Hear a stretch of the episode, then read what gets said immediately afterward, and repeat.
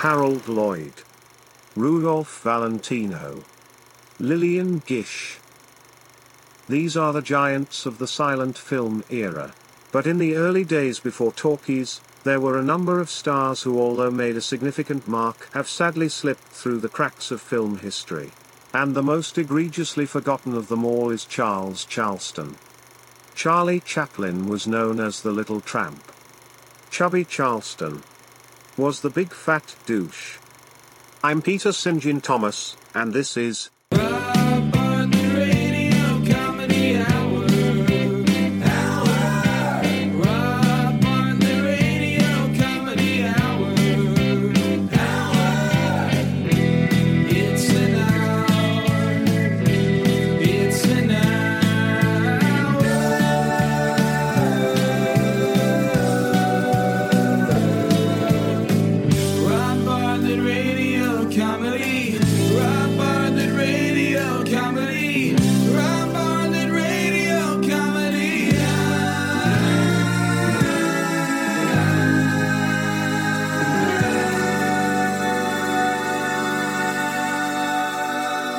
Welcome to the Rob Bartlett Radio Comedy Hour, boys and girls. I am Rob Bartlett. This is my Radio Comedy Hour. Now, before we get to this particular episode, which is a particularly great episode, it's destined to go down in the annals of Rob Bartlett Radio Comedy Hour history as one of the better episodes.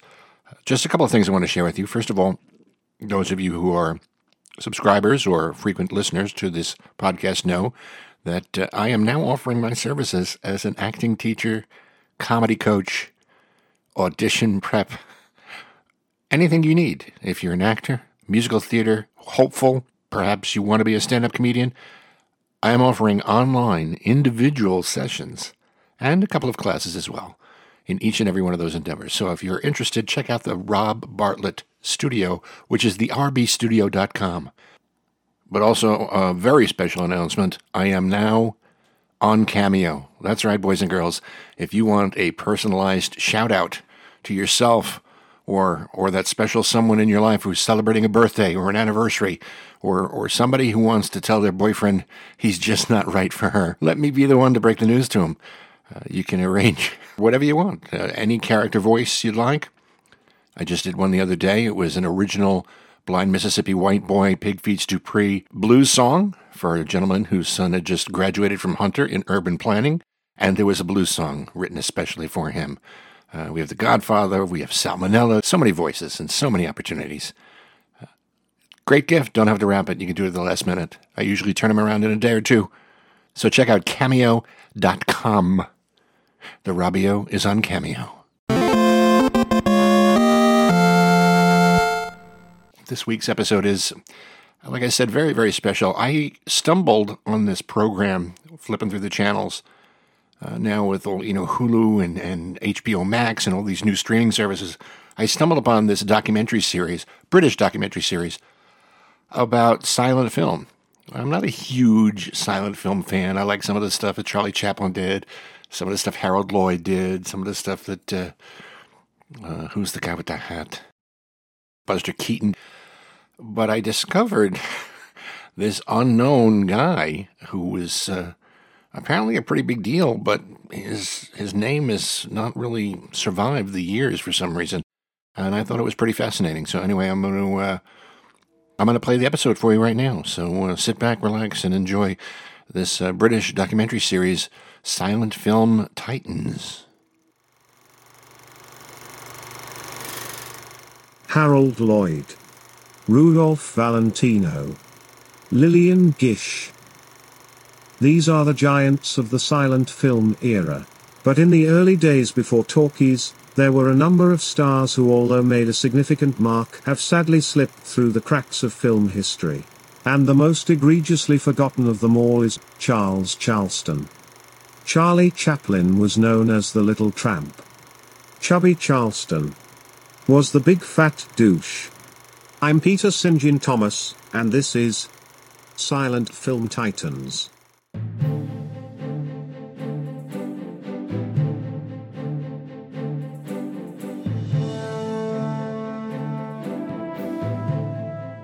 Chaplin's character was a lovably mischievous little fellow in a bowler hat and baggy pants, Chubby's was an obnoxious overweight jerk in Bermuda shorts and sleeveless undershirt. Chaplin had a signature moustache and cane. Chubby sported a jelly-stained mouth and carried around a loaf of French bread. Film historian Ben Model. Chubby first appeared on screen in the 1925 short, Field Day Fiasco, a comedy by Cecil W. Schmidlap, an up-and-coming director at Minor Motion Picture Studios. Chubby plays a father, taking his family to the park for a picnic, and by the time the 14 minutes of the film are over, Chubby has stolen a blind man's lunch, thrown a hive full of angry bees into a bus filled with orphans, and abandoned his wife and children at the park to get drunk in a saloon. The big fat douche was born. Field Day Fiasco was a hit. Leading Charleston to make 483 big fat douche films the following year. Among them were Chubby Down the Chimney. Where serving as a department store Santa Claus, Chubby informs the children that Saint Nick isn't real. Chugga Lug Chubby, playing a drunk who runs over a dog and blames his next door neighbor, and the legendary TB Trouble. Director of the National Silent Film Archives, Sylvia Shipman. TB Trouble was perhaps Chubby's finest film. It was a tour de force. A doctor whose car breaks down on the way to a house called to tend to a young boy suffering from tuberculosis enlists the aid of a slaughterhouse janitor, played by Chubby, hiring him to bring medicine to the child. Chubby goes to the circus instead, spending the money on popcorn and peanuts. He heckles the animal trainer, causing an elephant stampede, and by the time he reaches his destination with the medicine, it's too late. The boy is dead. Critics praised the film, calling it the funniest comedy of the century. Moviegoers loved it so much, theater owners lost money due to audiences staying in their seats to see it over and over again. Chubby was more popular than ever. The number one box office star in the world.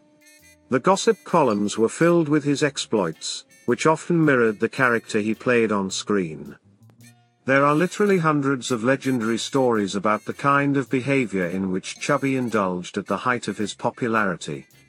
One of the more famous involves Chubby showing up at a society wedding, drunk, naked, and carrying a sack full of hamsters he let loose to run around the church.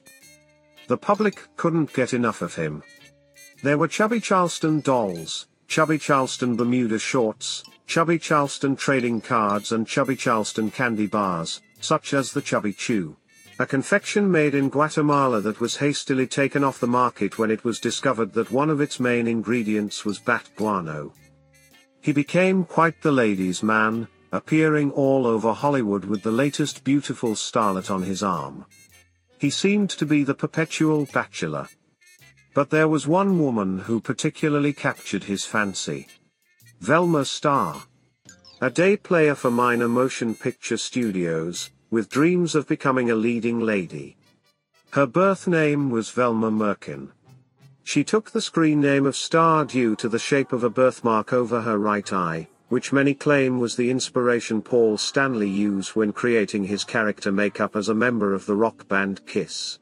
They met at a party at Fatty Arbuckle's Beverly Hills mansion, where Velma, working at a local grocery store, had just delivered a case of 7-Up and was invited to stay. The two had a whirlwind romance, lasting the better part of the evening. They were married the next morning at dawn on the beach in Malibu, by Dr. Alexander Fleming. Who later that day, would discover penicillin, from a moldy piece of French bread stuck in Chubby's boxer shorts. The cinematic triumph of TB Trouble had caused Chubby's ego to explode, making him even more douchey than ever before. Where off screen Chaplin was nothing like his sweet, lovable character, Chubby really was a fat, insufferable douche. He soon became impossible to work with. Schmidlap famously vowed, I will never make another picture with that fat, untalented fuck as long as I live. And Schmidlap made good on that promise, dying the very next day in a grease fire at the Brown Derby. Chubby became a tyrant on set. He made ridiculous demands. No one was allowed to make eye contact with him, even his fellow actors while filming scenes together. The icebox in his trailer had to be filled with 50 pounds of stick butter, which he would unwrap and eat like a banana between takes. And he insisted that all of the toilet seats on the entire backlot be nailed down. So that he could more easily pee on them.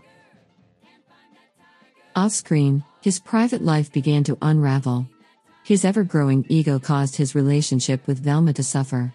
He accused her of marrying him to boost her career, which was relatively non existent, her large star shaped birthmark proving to be a visual hindrance. She begged him to pay for corrective surgery. Chubby, a notorious tightwad, agreed, but only if she would have the operation in Mexico. It was a disaster. Instead of removing the birthmark over her right eye, the surgeon tattooed a matching star over her left eye. Afterwards, she couldn't even get extra work in his films. The despondent Velma became a recluse, literally locked in her bedroom at Chubbydale, their estate in Bel Air. Meanwhile, Chubby's star continued to rise. In his review of the short, Two Timing Old Timers, where Chubby plays a nursing home orderly who convinces the senile patients that they will live forever if they buy a special tonic from him, critic Leonard Bateman suggested that Chubby was more than just a silent film clown. Bateman called Chubby's performance brilliantly nuanced and suggested he might fare very well as a dramatic actor. That's when Chubby decided he was going to write, direct, and star in his own movie, about a cantor son who defies the traditions of his devout Jewish father by becoming a vocalist in a ragtime jazz band. The full length feature was titled Jews Blues. It was released October 7, 1927, just one day after the debut of the jazz singer, the first talkie in film history starring Al Jolson. Jolson's film was about a cantor's son who defies the traditions of his devout Jewish father by becoming a jazz singer. The plot was eerily similar to the storyline of Jews Blues. Overnight, chubby Charleston had become a laughingstock. The colossal failure would prove to be the beginning of the end of the big fat douche.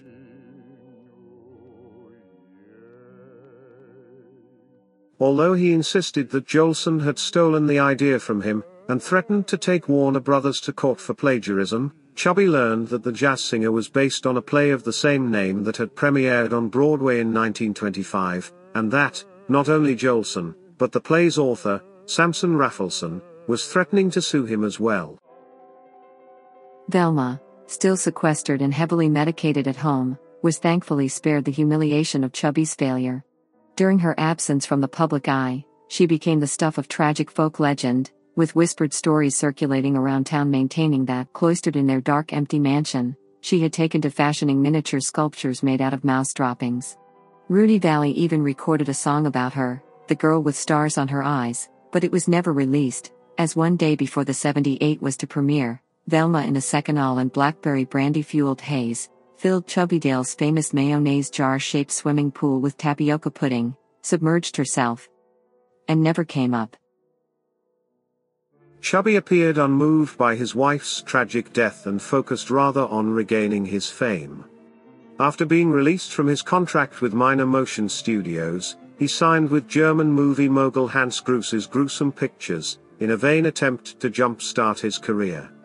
As Minor Motion owned all the rights to his name as well as the character of the big fat douche, Chubby made a series of inferior knockoffs as Chunky Chatworth, the pot-bellied prick, the move proved to be disastrous. Charleston quickly burned through the nest egg he'd acquired while he was a box office star, spending all of it on stick butter. After the bank foreclosed on Chubbydale, and facing bankruptcy, he'd become hopelessly addicted. By late 1928 he'd developed a nearly 40 pound a day butter habit. Soon, penniless and in despair, Chubby turned to the priesthood, but was forbidden to join, as he had been secretly excommunicated by the Pope, who was offended by Chubby Goes to Church, the big fat douche film that featured Chubby stealing from the collection plate, and shooting spitballs at the crucifix over the altar. It was the straw that broke the water buffalo's back. He went missing for about a month. Finally, they found him in the basement of a dairy. He was so desperate to get a butter fix, he'd swallowed four entire sticks. They went down sideways.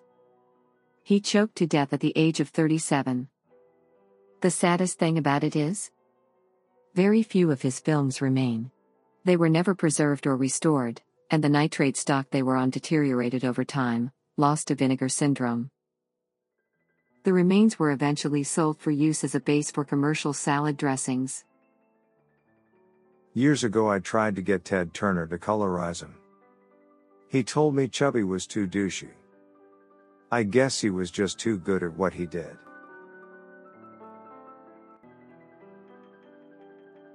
Next week on Silent Film Titans. The tragic story of Hollywood starlet, Lillian Lawrence. America's Skank. Wow. Sad story, huh? I'm just curious as to why we've never heard of this guy before, but I don't know. Leave it to those Brits and their documentaries. They really know how to do it, don't they? Speaking of Brits, happy birthday, Ringo Starr. That's right, Sir Richard Starkey, 80 years old, the oldest Beatle, 20 years away from being a century, and I guarantee you he'll live to 100. And with that in mind, stick around for the post credit bonus. I'm not going to tell you what it is, but you'll enjoy it. I promise you. Drop us a line at Robbie at. Be sure to check out the Rob Bartlett Radio Comedy Hour Facebook page.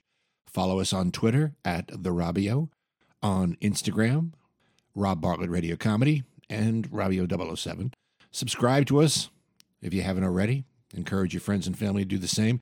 Give us a good review on the Apple Podcast site. Helps get the word out to the masses, helps people find us. Our program produced by Gary Grant and me, Rob Bartlett. Written by me, Rob Bartlett. The Rob Bartlett Radio Comedy Hour theme song, music and lyrics by Gary Grant. Recorded and performed by Steve Mecca. All stunts performed by me, Rob Bartlett. Mr. Bartlett's wardrobe provided by Botany 500. Our show is taped in Cleveland, except for the parts not taped in Cleveland, and was performed live in front of a non existent studio audience. All characters portrayed, including that of Rob Bartlett, are fictitious, no identification with or similarity to actual persons, living or dead, including Mr. Bartlett, is intended. No animals were harmed in the recording of this podcast. We'll see you again on the next Rob Bartlett Radio Comedy Hour. Until then, be safe, stay healthy, wear your mask, and be good to each other, won't you?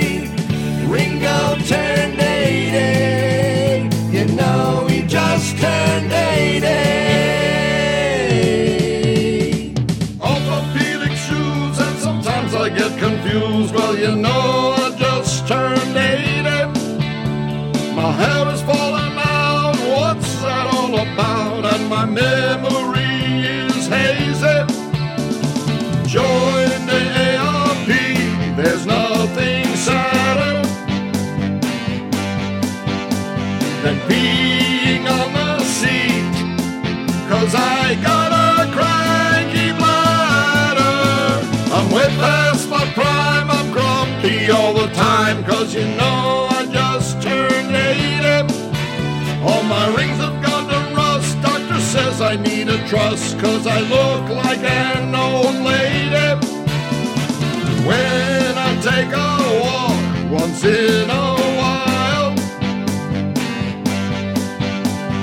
I just wander off. I'm a little bit senile. Once was in the fat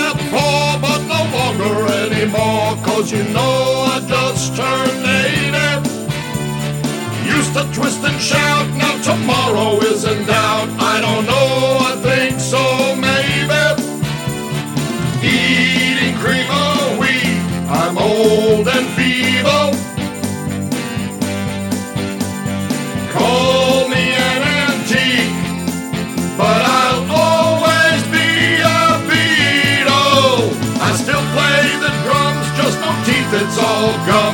you know I just turned 80. Used to set the fashion trends, and now I wear Depends. Well, you know I just turned 80.